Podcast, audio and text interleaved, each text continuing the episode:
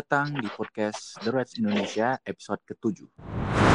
Oke, di uh, podcast kali ini seperti biasa, ya moderatornya hanya berkisar pada dua moderator saja. Tapi ya beberapa kali ada perubahan dan kali ini moderator pada episode ke-7 yaitu gua Pratama Indra atau sering dipanggil Indra.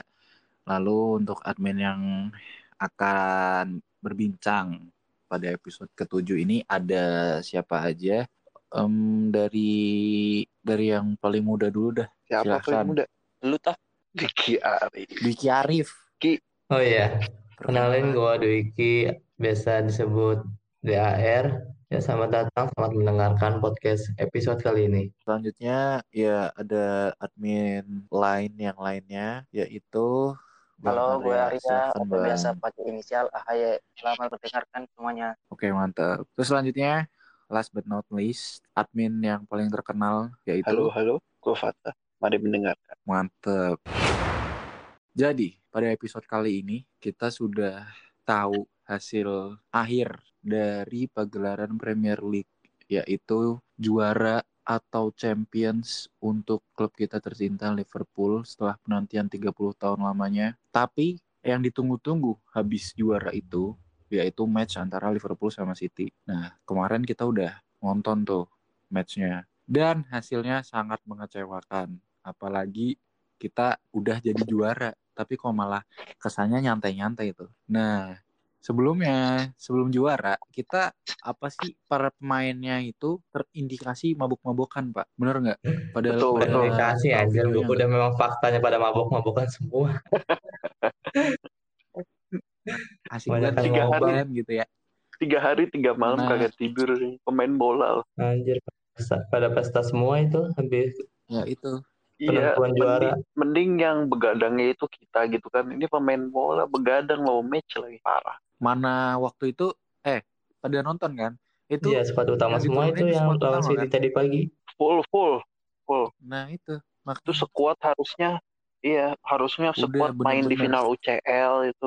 mainnya dibantai, Pak, 4-0. Asli malu banget anjir. Jadi ya kita kan udah ketahuan lah kita mau bahas apa. Pada intinya tema pada hari ini itu yaitu Nah, habis juara kok malah kok letter. bisa gitu loh. Nah itu Iya. kok bisa gitu ya Pak ya. Nah kita review matchnya dulu deh lawan City. Di awal-awal kan udah pada expect tuh kalau timnya Pep bakal ngasih tradisi yaitu guard of honor. Nah pada pada nonton nggak ada yang ada ada yang nggak Ada ngelakuin ada, ada gue gue lihat gue Guard lihat of di Twitter rame tuh anjir sumpah. Silva, Silva, Bernardo anjing. Enggak, Asli nggak minum lagi. nggak ngerti ya malam minum masih anjir kayak nggak ngerti gue dia punya masalah apa sama sama apa namanya tradisi gas of honor ini apa, apa Ster- susahnya sih anjir Ya Sterling aja dia masih tepuk tangan loh. iya loh Sterling anjing sering dicaci dan dimaki oleh para fans Liverpool masih ngasih respect gitu loh dengan cara Wah. bertepuk tangan loh Bernardo emang kayak kurang ajar sih. Nggak tepuk tangan terus belum selesai pemain masuk semua udah kabur. iya si anjir belum beres langsung nyelonong sambil minum itu gila si Hmm. anjing sumpah padahal dia pemain cadangan loh match itu nggak nggak nggak ma- nggak inti dia nggak line up dia Tahu tuh pemain overrated lah. Pemain overrated nggak jelas. Iya. Tapi ya terlepas dari itu kita perlu apresiasi lah sama City. Meskipun dia kemarin juara bertahan nggak ada gengsi-gengsian Iya dalam ngelakuin buat- guard of honor. Iya respect. Udah bagus sih. Iya, respect respect banget gue mah. Nah, kita kan tadi udah ngobrolin tuh. Kenapa tadi matchnya itu kok make squad utama? Nah, itu kalian apa ya? Mungkin bisa kasih analisanya kenapa si Klopp ini milih squad utama buat lawan City. Mungkin dari Itu kayaknya lebih ke gengsi deh. Lebih ke gengsi Klopp. Terus Klopp kan juga sering bilang dia nggak mau ngendorin, nggak mau ngendorin pemainnya walaupun udah juara. Ya jadi emang begitu adanya Klopp. Emang dia suka eh, nggak bakal ngendor mainnya. Walaupun udah juara, ya dia bakal mainin squad utama. Tapi kalau kata gue sih, kalau kata gue sih bukan Hmm, karena gengsi ya, lebih karena mungkin tidak ingin dalam tanda kutip menghina gitu loh. Kalau dengan secara langsung menurunkan skuad lapis dari apa dari babak pertama. Jadi seandainya kalau Klopp langsung nurunin pemain muda gitu di match lawan City di babak pertama, kayaknya terlalu meremehkan banget itu Tapi kesannya kan kan. ada ada gengsinya juga kan. Ketemu Pep gitu masa ia mainin pakai pemain Neko Williams jadi starting kan Iya sih, apalagi habis juara Pep aja buktinya dia nurunin pemain lapis yang bisa disebut pemain lapis sih sebenarnya, tapi pemain lapis City kan memang jago-jago nih. Tapi setidaknya pemain yang diturunin sama City di line up itu pemain depannya Aguero nggak main. Terus yang main kan Foden, Gabjes, sama Sterling kan tri- eh, lini depannya. Iya, tapi kan kalau City lebih ke kebutuhan Iya. mereka mainin Iya. pemainnya kan backnya Johnston, Otamendi kan masih pada baru abis dari cedera. Sementara kalau Liverpool pemainnya masih pada fresh fresh semua, yang cedera juga cuman Milner sama si Matip. Kalau gue Iya benar. Tapi kita ini sih kalau nontonin matchnya di awal-awal mainnya bagus, awal-awal tegang. Tapi waktu kok udah pertengahan, waduh kok kebobolan dua, kebobolan, aduh kebobolan Lima, hampir terakhir- lima. Nah itu untung aja iya hampir lima ada tuh, hampir aja. Mahrez dianulir golnya. Itu Iya, kata gue harusnya bingung. Liverpool kalah 6-0 sih. Bukan sih, bisa lebih. Lebih lebih. Tapi skornya bakal bisa gede tuh kalau misalkan Liverpool lebih memanfaatkan awal babak pertama tuh kan. Kan mainnya emang bagus. Tapi ya nggak bisa memanfaatkan aja apalagi Mane Nah, Mane finishingnya kurang. Beberapa kali ada peluang dia ini lolos, kagak kagak masuk Pak. Tapi kata gue bukan, tapi kata gue bukan sih. cuma Mane doang sih semalam lini depan yang kurang, Bobby juga kurang. Dia di menit Bobby awal kan kalau nggak salah, di menit ketiga kalau nggak salah yang eh, bola apa bola terobosan dari Fabinho terus ke Salah, terus eh, bolanya apa namanya bola liar gitu, pas tinggal tinggal ditendang biasa aja, biasa gol. Tapi tumben Bobby semalam tuh kayak ngerti gue memang karena kebanyakan mabok si anjing kayaknya. enggak sih Bobby Bobby udah tiga pertandingan ini mainnya jelek banget Iya, underperform Pak dia mainnya udah beberapa udah abis abis apa? Abis pandemi, Sama eh, lockdown kayaknya. abis ini bola bat. Iya dia underperform, jelek mainnya, tapi tetap dimainin terus. Itu sih gue bingung juga sih. Mungkin sama kalau terus malah naruh malah Eh, naruh itu gue alergi nontonnya kiri. alergi sumpah gue nangis itu nontonnya semalam Nah, bisa-bisanya Origi kagak ada nih. Kalau honest opinion dari gue, Or Origi nggak ada apa ya skill buat nusuk-nusuk yang kayak kayak Mane atau salah. udah Sebenarnya gitu banget nusuknya. Footworknya bagus, tapi nggak cocok buat dimainin di sayap. Emang dia ada kecepatan, tapi lebih mending dimainin di tengah. Soalnya finishingnya dia bagus. iya tapi iya benar-benar Iya, tapi kalau masalah dribble aduh aduh ya Allah sakit mata gue liatnya jelek banget. Bawa bola udah gitu si. Klopp mainin Origi itu deep lagi role jadi Origi itu kayak mundur-mundur gitu nggak efektif banget mainnya jadinya dia dia mainnya konservatif, Bener. cuman terlalu hati-hati itu. Terus terus Klopp Itu masukin itu yang Oxlade. jeleknya. Kirain mau mainin di mid, malah main sayap lagi. Nah, iya itu tadi malam emang parah banget sih. Kenapa Klopp masih mainin uh, Oxlade sisi sayap, Origi di sisi sayap itu itu aneh banget. Padahal kan kita tahu sendiri Oxlade itu kalau main di tengah dia apalagi kalau dia dikasih peran kayak De, De Bruyne tadi malam kan all rounder gitu. Mainnya mantep. Terus kalau Hmm. Origi taruh di tengah itu, uh mantep. Finishingnya itu dibutuhin. ya. Tapi untung Itu Oxlade ngegolin loh. Mm, kayak kayak Oxlade ngegolin. Ngegolin ke gawang Iya, sendiri anjing. tapi Mana bola asli, blunder dari Sterling lagi anjing. bola bola astagfirullah jelek Asli itu Sterling bisa bisa Sterling tadi malam tuh pasti senang banget aja ngegolin dua, ngolongin Udah gitu. Gomez lagi. Iya, udah gitu pasti paling malu itu semalam Gomez gitu gue yakin tuh. Iya bisa mereka tuh berdua ribut terus ribut kenapa sih gue nggak nggak paham loh mereka itu sering ribut banget nggak ngerti gue. Habis Lu lihat ini udah diganti deh Gomez. Iya. Oh itu alasannya Gu- alasannya Gomez ditarik keluar itu gara-gara Klopp kan udah nggak punya back tengah lagi. Jadi ya emang persiapan buat match selanjutnya apalagi udah kartu kuning kan. Iya sih, jadi maksain Fabinho buat dilatih, ditarik ke belakang. Hendo, Hmm. Hendo loh. Hendo jadi back. Oh, kira Fabinho. Fabinho yang sering gue lihat di belakang. Iya, Hendo sama Fabinho jadi trio gitu sama Van Dijk. Iya Fabinho ditarik ke CB, Hendo ditarik ke posisi DM lagi. Iya, Iya. nah itu mainnya Liverpool semalam tuh kayak nggak ada polanya serius deh bener-bener beda awal-awalnya sih kelihatannya waduh kok apa full squad ya tapi makin ke sini makin Kayaknya ke sini wah Maksain bensin deh kayak main. Indo gitu. Awal-awal doang bagus. ya orang udah nyantai-nyantai pak udah party-party gitu kan ya Kalau kata gue sih, udah sedap kata gue sih bukan karena kehabisan bensin dalam artian eh, lesu kayak musim-musim sebelumnya. Kata gue memang karena efek dari party sih kata gue. Terus Iya itu kedua, kehabisan bensinnya dari eh, terus kedua karena beban faktor buat juara juga udah udah nggak ada gitu loh jadi mainnya kayak pramusim eh, jadi kurang jadi kurang mungkin ada motivasinya jadi berkurang ya ditambah juga nggak ada fans buat ngedukung ya Dita- makin makin aja itu mereka kayak ya udahlah main aja gitu Tapi mah lebih lebih mending pramusim Pak daripada tadi malam Tapi jujur sama nggak mau lari loh kena counter Wah, sekali udah gol dua kali gol lagi Oh. Eh, Iya, apalagi yang gol Foden kan itu, waduh kacau banget itu gol Foden Iya, yang iya. dia kekibulin Hmm. Gomez kan sama Fandi. iya itu gila. kayak gak ngerti gue sumpah kayak ya Allah itu kenapa coba Liverpool semalam kayak itu kan dari Oh. bolanya Fabinho Fabinho kerebut dari tengah terus diumpan ke depan Foden Foden ngasih ke KDB KDB ngoper lagi udah lolos gol Iya, counternya mulus banget City kayak jarak Kayak- jarak pemain belakang kita tuh kayak jauh-jauh banget gitu loh kayak nggak rapet kayak biasanya. Bener-bener kayak nggak ada motivasi Jujur ya. gue memang. Jujur nih, sebenarnya pemain apa permainan City semalam biasa aja. Liverpool ya kejelekan mainnya. benar Emang standarnya City segitu. Iya. Liverpool ya terlalu jelek mainnya. Kalau Liverpool bisa ngimbangin aja, itu gue yakin bisa menang. Hmm. Gomez kalau dikasih rating Empat. semalam mungkin 1,5. Waduh, keba- kebaikan lu Prat, Jelek kebaikan banget, ngasih Pak. nilai. nol Berapa ya, dong harusnya? ya gue 0,1 deh, rada baikan di. Ya, padahal kalau dipikir baik. Nah, itu emang City kebangetan dan deh. cuma Laporte sama Tapi ya, Garcia tapi back back seniornya nggak dimainin Fernandinho akumulasi Stones sama Otamendi baru sembuh kalau dipikir gampang banget tuh ditembus iya sebenarnya kalau kita pemainnya fit semua dan nggak pada minum-minum, kayaknya memang bisa kita kasih perlawanan untuk mecahin apa namanya eh, rekor Liver- eh, Klopp nggak pernah menang di Etihad selama ngelatih Liverpool kan.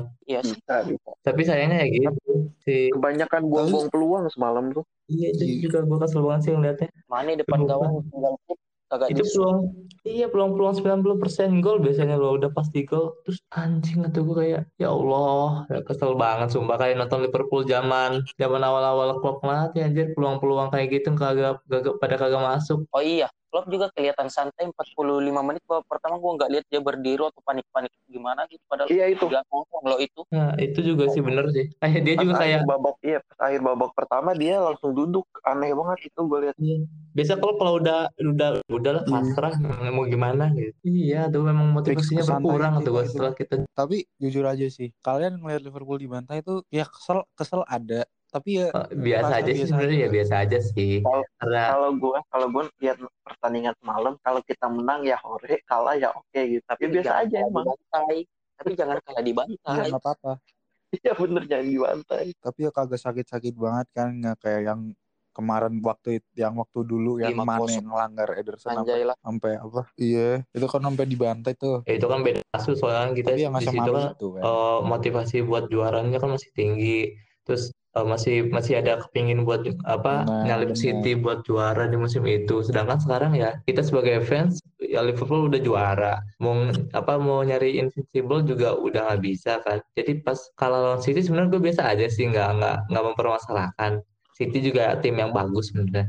Tapi ya itu kata. Arya benar jangan sampai dibantai dong 4-0 terus permainannya anjing sumpah bener-bener. Jelek banget bener. nggak ngerti gue Minimal minimal kita nyetak satu gol aja. Itu gue tadi malam tuh expect nyetak satu gol. Kalah juga bodo amat tapi yang penting nyetak satu gol gitu. Iya, terus mainnya rapi. Aduh. minimal mainnya rapi enak dilihat gitu Lu Masa masang gak ada Iya min ini main rapi aja. Lu masang kagak tas. dibantai lagi anjing. Seandainya golnya City di atas 4 kayak 5-0 gitu tuh bakal jadi pertandingan dengan honor paling buruk loh parah bener untung tapi untung cuma 4 Tapi dulu pernah enggak kan paling banyak 5-0 kayaknya Arsenal deh tahun 98 dibantai sama Liverpool bukan yang Oh, sama iya. kalahnya sama. Liverpool maksud lu iya pas Mane kartu merah itu iya Iya. itu udah pas Tapi lima itu nggak terlalu sakit gitu. Iya kan? Yang paling sakit itu pas kita kalah 2-1 di Etihad. ya sih gagalin juara mana bolanya Iya, nggak itu. masuk Iya, 1,1 itu, itu. itu kalau diingat-ingat lagi musim kemarin tuh ya yang gara-gara line teknologi gila cuma kurang berapa sentis itu? 1,1 loh. Itu aduh si Walker ya? Eh apa sih- siapa sih yang Yes. yang gagal Walker kayaknya? Stones. Eh Stones ya? Gila bola udah kalau tipis banget udah di pas tengah garis sayang. Ya memang belum rezeki lah musim kemarin tuh. Jadi tahun ini ya udah dia juga Ya, udah menang rezekinya gitu. tahun ini. Tahun ini banyak. Berarti emang harus nunggu iya ta- 30 tahun, Pak. Kalau 29 kan tahunnya jelek ya. Kok nunggunya 29 tahun? Tunggu aja 30 tahun biar tahun ini banyak hokinya Biar juga. nggak- Tahun ini banyak hoki. biar gak nanggung gitu ya Iya, hokinya banyak parah. Coba sebutin deh tim apa aja yang, yang lawan Liverpool terus kalah 1-0 lawan Liverpool atau 2-1 itu banyak banget apalagi waktu, Waktu- Desember waktu Januari Adrian main gitu tuh gue inget banget Kan. banyak banyak menangnya tipis-tipis mulu apa Adrian juga lawak sih iya Apalagi makanya. kita menang lawan Norwich banget. cuma satu kosong loh parah. Iya, golnya Mane ya. Iya. iya itu pun nggak nggak dari suatu pola gitu cuma bola lambung terus mana dapat Mhm. Tidak gol Gol dari umpan dari belakang. padahal gue ngarepinnya Liverpool lawan City mainnya kayak waktu lawan Palace loh. Iya, soalnya pemainnya sama-sama. Gue kita juga berharap pasti kayak gitu. Setidaknya mainnya rapi dan enak Iya. untuk dilihat gitu loh. Tapi kacau banget up 15, bener fuck up 15 banget. menit pertama doang enak dilihat tapi habis gol penalti City udah ngampas Tapi emang di game week 32 kemarin Hmm. banyak yang aneh loh. Chelsea kalah, Tottenham dibantai 3-1. Arsenal ngebantai Ah betul Arsenal kebantai. Aneh banget Aneh banget. Arsenal ngebantai aneh dong. lagi mana MU. lagi low streak MU win streak gitu tahu-tahu kan. banget Iya, Aneh banget. Leicester juga kalah akhirnya ya. Bellerin Bellerin nanam pohon lagi tiga tiga ribu akhirnya terrealisasikan Bellerin menanam pohon setelah Arsenal menang Iya, kemarin-kemarin ngutang deh, salah mulu. Nah itu sih kita udah tahu kan performa yang Liverpool lawan City itu benar-benar jelek lah. Ada beberapa beberapa pemain yang wajib Eh, di rating 0,1. Betul, Kita nggak mau ngasih rating tiap tadi. pemain Liverpool yang main semalam main apa. Iya, eh eh mau. tapi yang beres mainnya semalam Nebi Keita sama Nico Williams kayaknya ya bagusan padahal masuk jadi pengganti Oh iya tuh, Neko Williams kan kita waktu itu pernah ngomong kan di podcast awal sebelum-sebelum ini. Eh Neko Williams itu bagus, tapi Bagus dia harus dikasih kesempatan di match besar kayak ini. Dan dia itu kemarin emang membuktikan, walaupun memang di defensif masih ada error, tinggalan beberapa langkah di defense. Tapi emang bagus mainnya. Lumayan lah dia Backup. jadi jadi pelapis sabi lah Ya ya. mungkin kan tiga emang tiga empat tahun lagi bisa jadi saingan tren iya terus tren digeser ke depan betul itu impian gue. kalau kata gue sih nggak nyampe tiga tahun malah mungkin sekitar ya lagi dua dua musim lagi kayaknya dia udah, udah cukup bisa untuk di sering dimainin di Premier League deh. Ya tapi soalnya defense-nya bagus. Overlapping Iya. bagus defense iya bagus. dia dia mainnya rapi dia mainnya rapi kok struktural ya ngerti dia Iya sih, posisi tapi- dia. ad- adaptasinya tren ke gelandang itu loh. Nah, itu yang kalau mau dirubah posisinya tren tuh nanti adaptasinya ya harus bisa harus sabar ya. Para fans yang nggak bisa langsung minta langsung diubah posisi jadi gelandang tiba-tiba langsung anjing tren nggak kayak Gerrard nanti pada kayak gitu kan iya sih buat link up jangan jangan langsung berekspektasi tren diubah ke gelandang langsung bisa berubah jadi kayak Gerrard ya Enggak, enggak. Nggak mungkin ya. Dia bukan Milner. Milner apa Beda aja gak ya? Beda, beda. Beda, iya. Tuh, iya sih Neko, Neko, Neko Williams Neko, Neko, bagus. Terus Nabi, Nabi Keita juga dia cukup konsisten sih setelah bola balik tuh dia udah apa ya membuktikan kalau memang dia pemainnya konsisten mainnya bagus pergerakannya juga apa ya bisa eh nggak bisa diprediksi itu bagus banget dia kalau dribbling gue seneng banget Iya, kalau dribbling tuh Semalam yang ditunggu-tunggu kan babak pertama kita jelek banget ya. Tengahnya itu kita nggak kelihatan sama sekali. Kayak kita nggak main pakai Elliot ya kan. Nah pas babak KDB kedua, bebas banget semalam KDB KDB itu dia mainnya lepas banget kemarin. Terus nggak ada penjagaan dari pemain Liverpool ibaratnya. KDB berasa Messi semalam. perlu di banget sih dia memang. OP banget. Iya.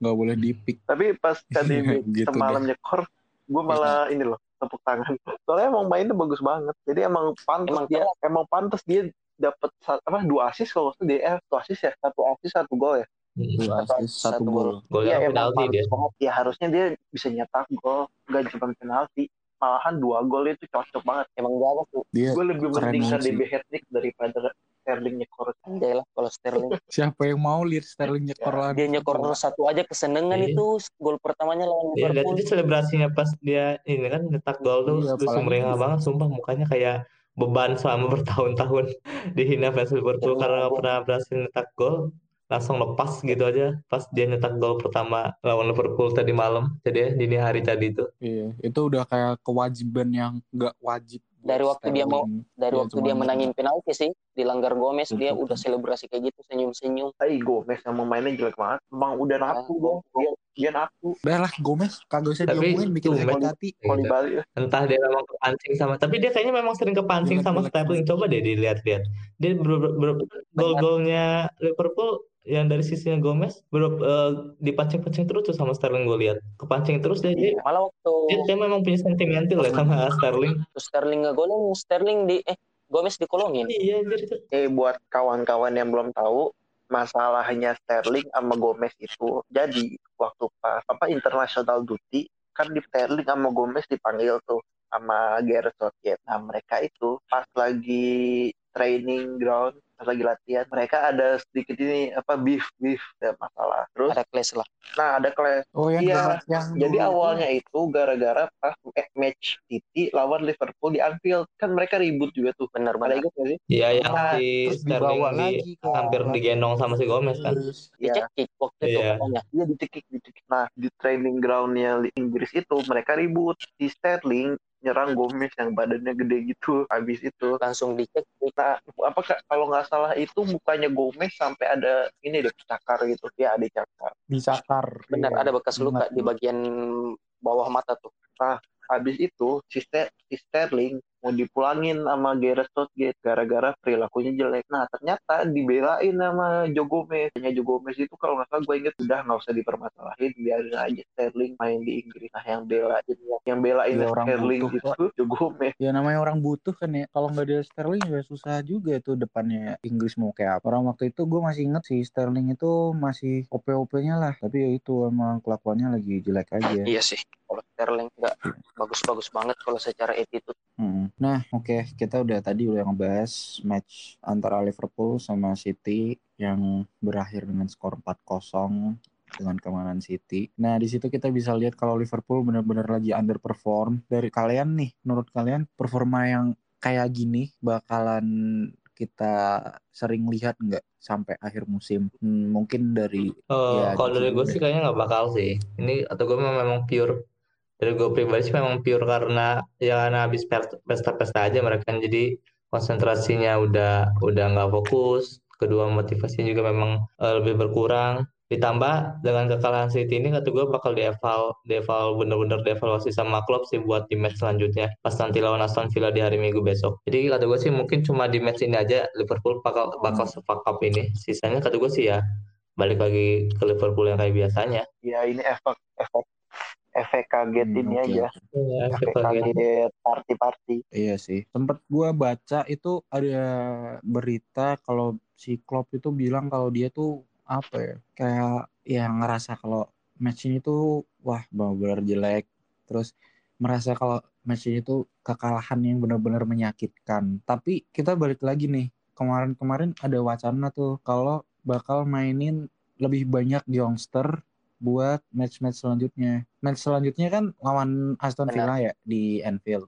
Menurut kalian nanti bakalan bakalan ngeluarin squad-squad pelapis Kalau- atau enggak? Gue sih Liverpool kalau main kandang aman-aman aja. Mau main pelapis mau main tim utama juga oke-oke. Tapi buat away kayak kentang gitu deh. Lawan Watford kalah 3-0 lawan Everton dari 0-0 terus kemarin lawan City kebantai lagi.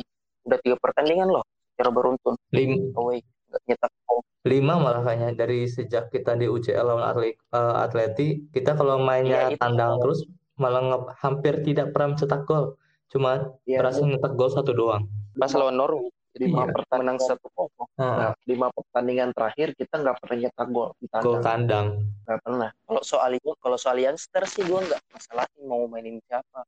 Curtis Harvey Elliott terus Nico Williams Laroci atau siapa aja yang penting mah lumayan bagi mereka dapat pengalaman main di Liga Premier debut kalau sampai bikin lima pertandingan juga syukur bisa dapat medali Kayaknya sih hmm, kalau misalkan Nah, iya, bener. mainin pemain muda nggak sih. Tapi kalau rotasi iya bakal ada di Villa kayak model Minamino, Nabi Keita, Origi bakal main lagi. Terus ya kayaknya maksud gue juga gitu ya ka- campurkan kayaknya Shakiri bakal main deh. Udah balik kan dia. udah udah kemarin Iya, eh, latihan. latihan kemarin udah join lagi dia Shakiri gimana tuh Shakiri? Prospeknya. Oh iya, kangen udah juga ya. fit sih dia di, Jalan kok, iya udah ikut latihan lagi kan terakhir tuh belum lawan City kalau main kemarin pasti jago tuh lawan Everton jago lawan Barcelona jago emang cocok Tapi super sub Shaqiri- ya tuh Shakiri itu yang dibutuhin kita itu buat di match-match kayak City kemarin buat mencah kebutuhan. ya benar soalnya dia berani shoot dari long range kan jarak jauh Shakir itu spesialis pertandingan lawan klub gede, lawan MU tuh. Soalnya eh, iya shoot shoot shoot powernya dia kan kuat tuh keras. Ditambah eh, tembakan jarak jauhnya juga dia lumayan akurasinya lumayan bagus kan. Jadi emang cocok kalau misalkan dia semalam dipakai atau diturunin pas lawan City. Kita kan suka ya kita kan suka kekurangan tuh Iya. sama pemain-pemain yang berani eh, nendang jarak jauh gitu. Mungkin baru-baru sekarang ini aja Klopp berani ngasih perintah buat untuk nyoba tendangan da- jarak jauh. Tapi yang kita tahu juga pemain kita eh, sedikit yang bisa nendang jarak jauh dengan akurasi yang bagus dulu ada sih ya Ya Coutinho dulu ada jago kalau tuh dulu. namanya Coutinho tapi sekarang nggak tahu sekarang udah Katung-katung. sekarang udah hampir ditelan bumi kayak Coutinho Sebenarnya Hendo ja- jago loh jarak jauh. Iya, Ingat gak sih yang waktu dia lawan Chelsea anjing itu malah laki anjir ja- Ya. lawan City juga anjing lawan City tahun 2014 golnya tuh kayak sniper Iya, terus apa namanya? Sebenarnya Hendo jago, tapi sekarang itu dia jarang jarang pakai tendangan jarak jauhnya, jadi kayak kehilangan touch-nya gitu. ya karena emang posisinya menurut gue sih mainnya nggak ke belakang nggak kayak dulu ada ada Gerard yang main di DM terus dia mainnya nggak nyerang jadi bebas buat ngesut gitu Iya, Tapi kita ini sih ada Fabinho juga kalau iya sih tuh. bagus mantap tapi jarang jarang nih kalau kata gua iya. in- instruksinya Klopp ke Hendo itu satu kalau dia bebas oper ke Mane, eh oper ke Salah di satu. Opsi dua oper ke Mane, opsi tiga oper ke Firmino, opsi empat oper ke pemain lain lagi lah. Opsi lima baru dia nyobain tendangan jarak jauh. Jadi emang Hendo itu kayaknya dilarang sama Klopp buat jarak jauh.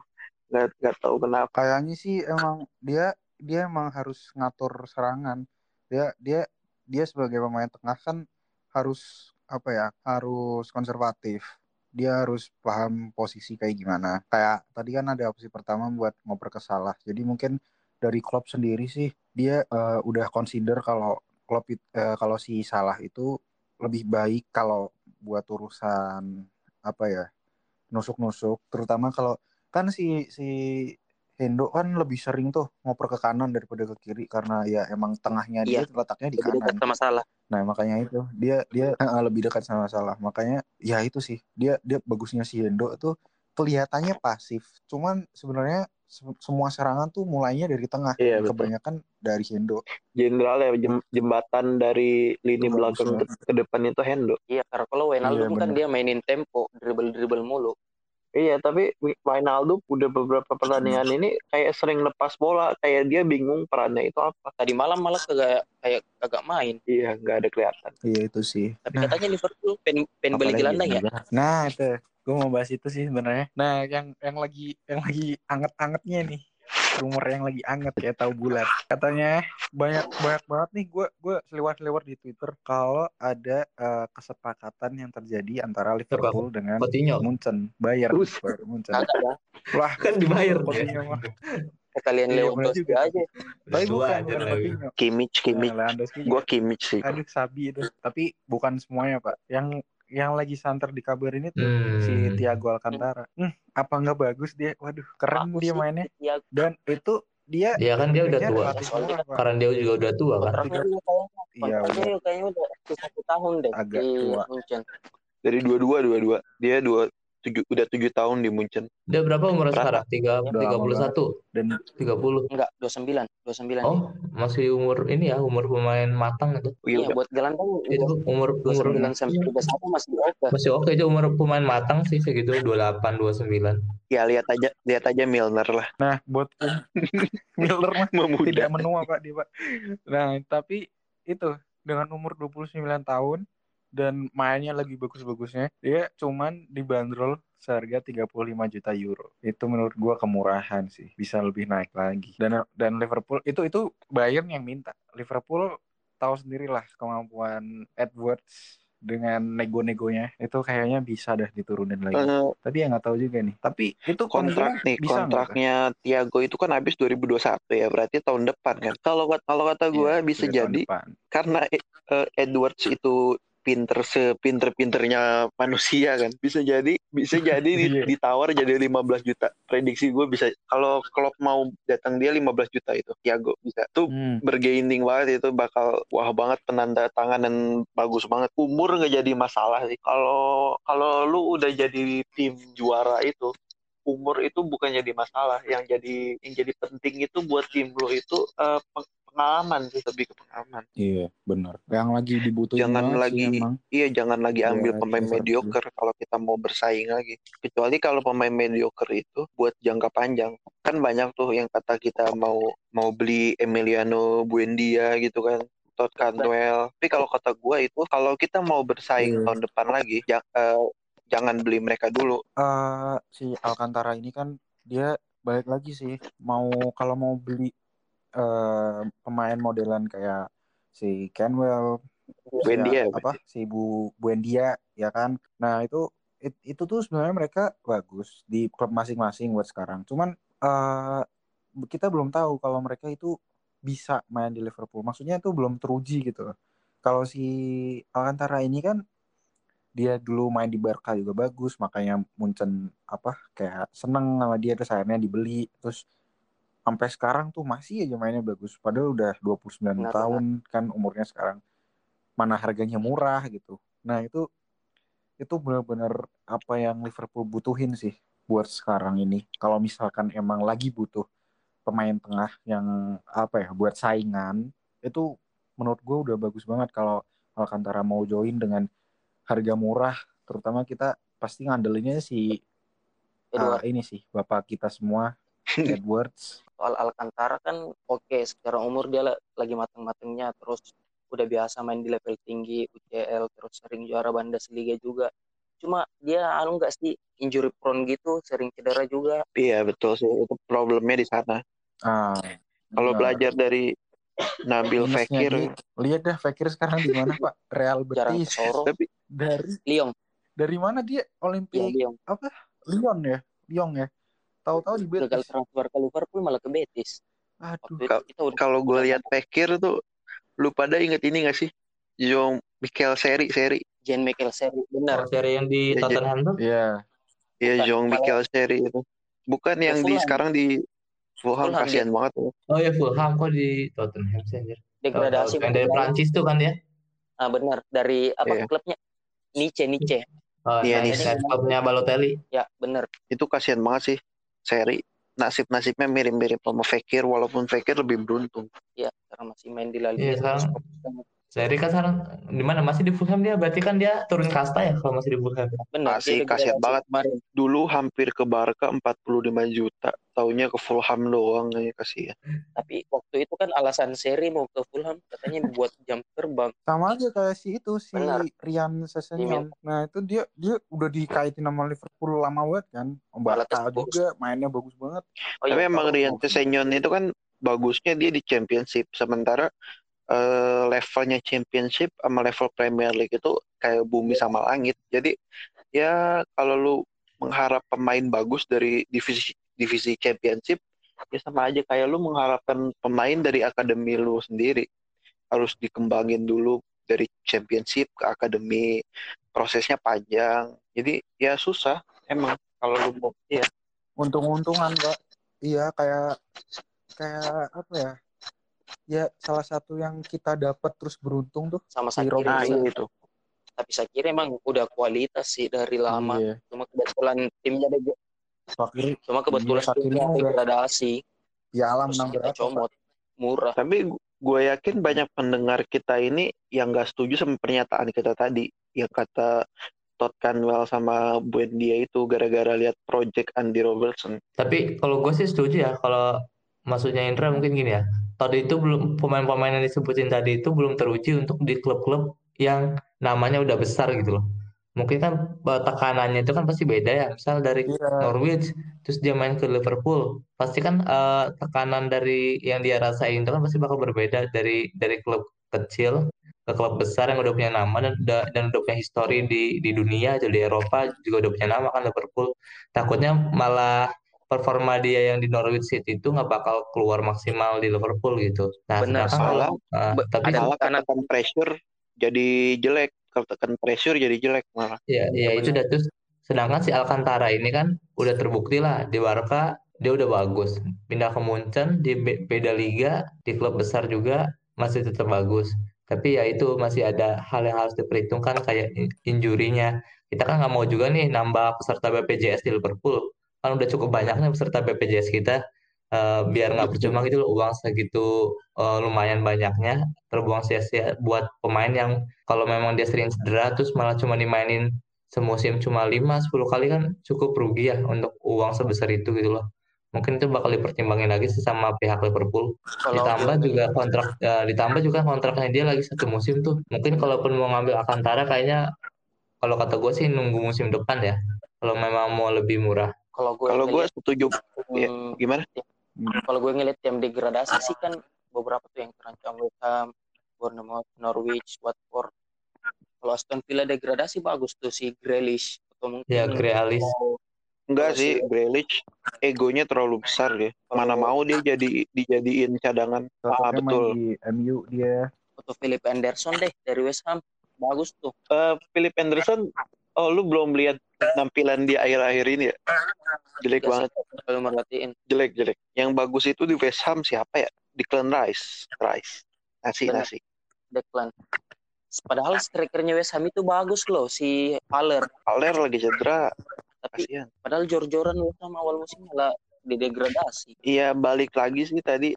Nah kalau menurut gua itu sih kalau mau project Andy Robertson itu sih lebih ke jangka panjang. Kan tadi gua ngomong kalau misalkan kita mau bersaing lebih tinggi di level juara tahun depan, pemain model Thiago Alcantara itu yang dibutuhkan emang mental juara, pengalaman.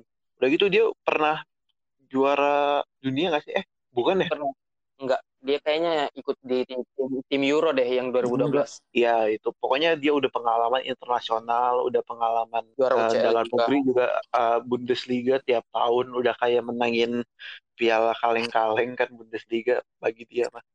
Pengalaman itu yang dibutuhin banget sama Liverpool. Sementara kalau lu pengen project Andy Robertson, it- itu kita lihat aja Andy Robertson tahun pertamanya dia kan belum kan? Enggak, butuh malah- setahun dia ya butuh setahun dia buat eh, adaptasi. Terus kita lihat juga ada Daniel James. Walaupun Daniel James bagus ya eh, apa namanya eh, masih permainannya masih belum konsisten. Benar. Bagus sih si James. Tapi kalau soal konsistensi belum nggak bagus-bagus amat. Tapi kalau lagi bagus emang bagus banget. Nyetak gol bikin assist ya namanya juga pemain dari Championship kan. Emang sih kita kayak berjudi kalau datengin pemain dari championship. Kalau bagus ya syukur dapat bagus murah. Kalau jelek ya rugi. Walaupun murah kalau jelek ya rugi. Iya itu sih Bu. itu sih yang jadi masalah. kalau prediksi gue sendiri sih yang bakal itu ya tadi Thiago Alcantara. Bakal di di diskonin lagi gara-gara Edward pasti gue yakin. 20 juta bisa menarik sih dibuat ditunggu kayak gimana nanti eh, langkah Liverpool buat menghadapi bursa transfer musim panas. Selanjutnya mungkin kita bakal ngomongin nih preview singkat mengenai pertandingan lawan Aston Villa. Nextnya kan kita lawan Ast- Aston Villa tuh di Anfield. Tadi kayak si Arya udah ngasih ngasih tanggapan kalau Aston Villa eh, kalau main di kandang itu ya sebenarnya nggak ada masalah. Tapi kalau dari yang lain-lain gimana nih? Dari eh, Fatah deh. Ah, kalau gua ya bener sih kata Arya tadi. Namanya juga Liverpool main di kandang. Prediksi gua bakal main lepas. Apalagi mau balas dendam kekalahan besar sama City. Pasti udah pada digeplak-geplakin itu sama Klopp. Ya kayaknya bakal menang besar. Nih prediksi skor nggak nih? Prediksi Boleh. skor eh, gua 5-0 deh. Gak pernah kan Aduh, eh, nggak buat pernah gede Liverpool banget, Pak. menang 5-0 buat balas ini tuh ya waktu di Carabao Liverpool masingin Liverpool U17 kalah 5-0 sama Aston Villa Nah, itu bener tuh. Apalagi gue seneng banget kalau misalkan Harvey Elliott hat-trick. Udah, anjay Aston Villa ngotot tuh Harapan Anda sepertinya Aston terlalu Villa bakal- Pak. Waduh. Aston Villa bakal ngotot loh hat-trick. dia mau lolos dari degradasi soalnya Iya, tapi namanya juga Aston Villa Hmm. kemarin aja di comeback sama Chelsea. Masa ya Iya. Liverpool mau kalah juga sih? Oke, terus mungkin si Duki kalau dari Ki? gua sih dari tiga match terakhir Aston Villa yang gua lihat yang mereka selalu kalah tuh lawan Chelsea terakhir lawan Wolves kalah 1-0 kalau nggak salah. Per- Iya. Nah terus untuk prediksi skor sih kayaknya Aston Villa ini nggak bakal jadi lawan yang berat ya walaupun mereka ada di zona degradasi. Ya paling cuma bakal motivasi mereka pasti bakal motivasi lebih lah ya karena mereka ingin keluar dari zona degradasi. Tapi tetap sih kalau untuk match besok lawan Liverpool di Anfield, Liverpool pasti bakal menang atau gak? Mungkin cuma 3-0 atau 3-1 kayaknya untuk kemenangan Liverpool. Realistis sih. Iya, realistis. Terus ya, kalau untuk pemainnya Terus. mungkin gue bakal berharap juga sih pemain mudanya bakal dimainin di ya setidaknya di menit 70 ada pemain muda yang main lah kayak Harvey Elliott atau Neko William.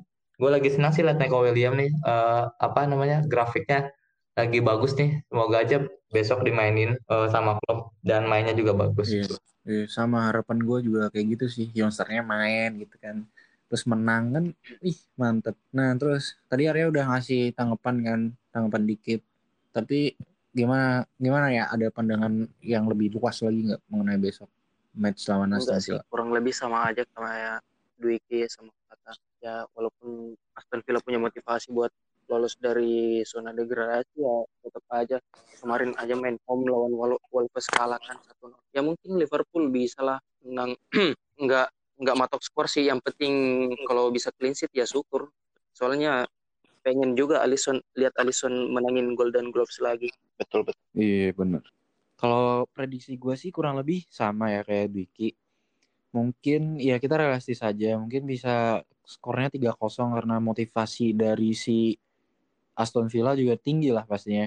Karena mereka juga ngincer uh, posisi buat keluar dari zona degradasi.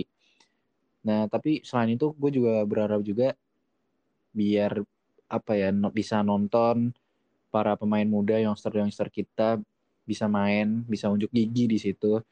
Biar kita juga bisa lihat gimana nih prospek masa depannya si Liverpool. Nah, oke, okay. terus ya mungkin itu aja buat episode 7 kali ini. Uh, tadi tadi udah kita udah sampaikan gimana review match lawan City, terus rumor eh, rumor-rumor juga tadi kita bahas kita singgung dikit si Alcantara. Terus terakhir kita udah ngasih review singkat lawan Aston Villa buat hari Minggu nanti di Anfield.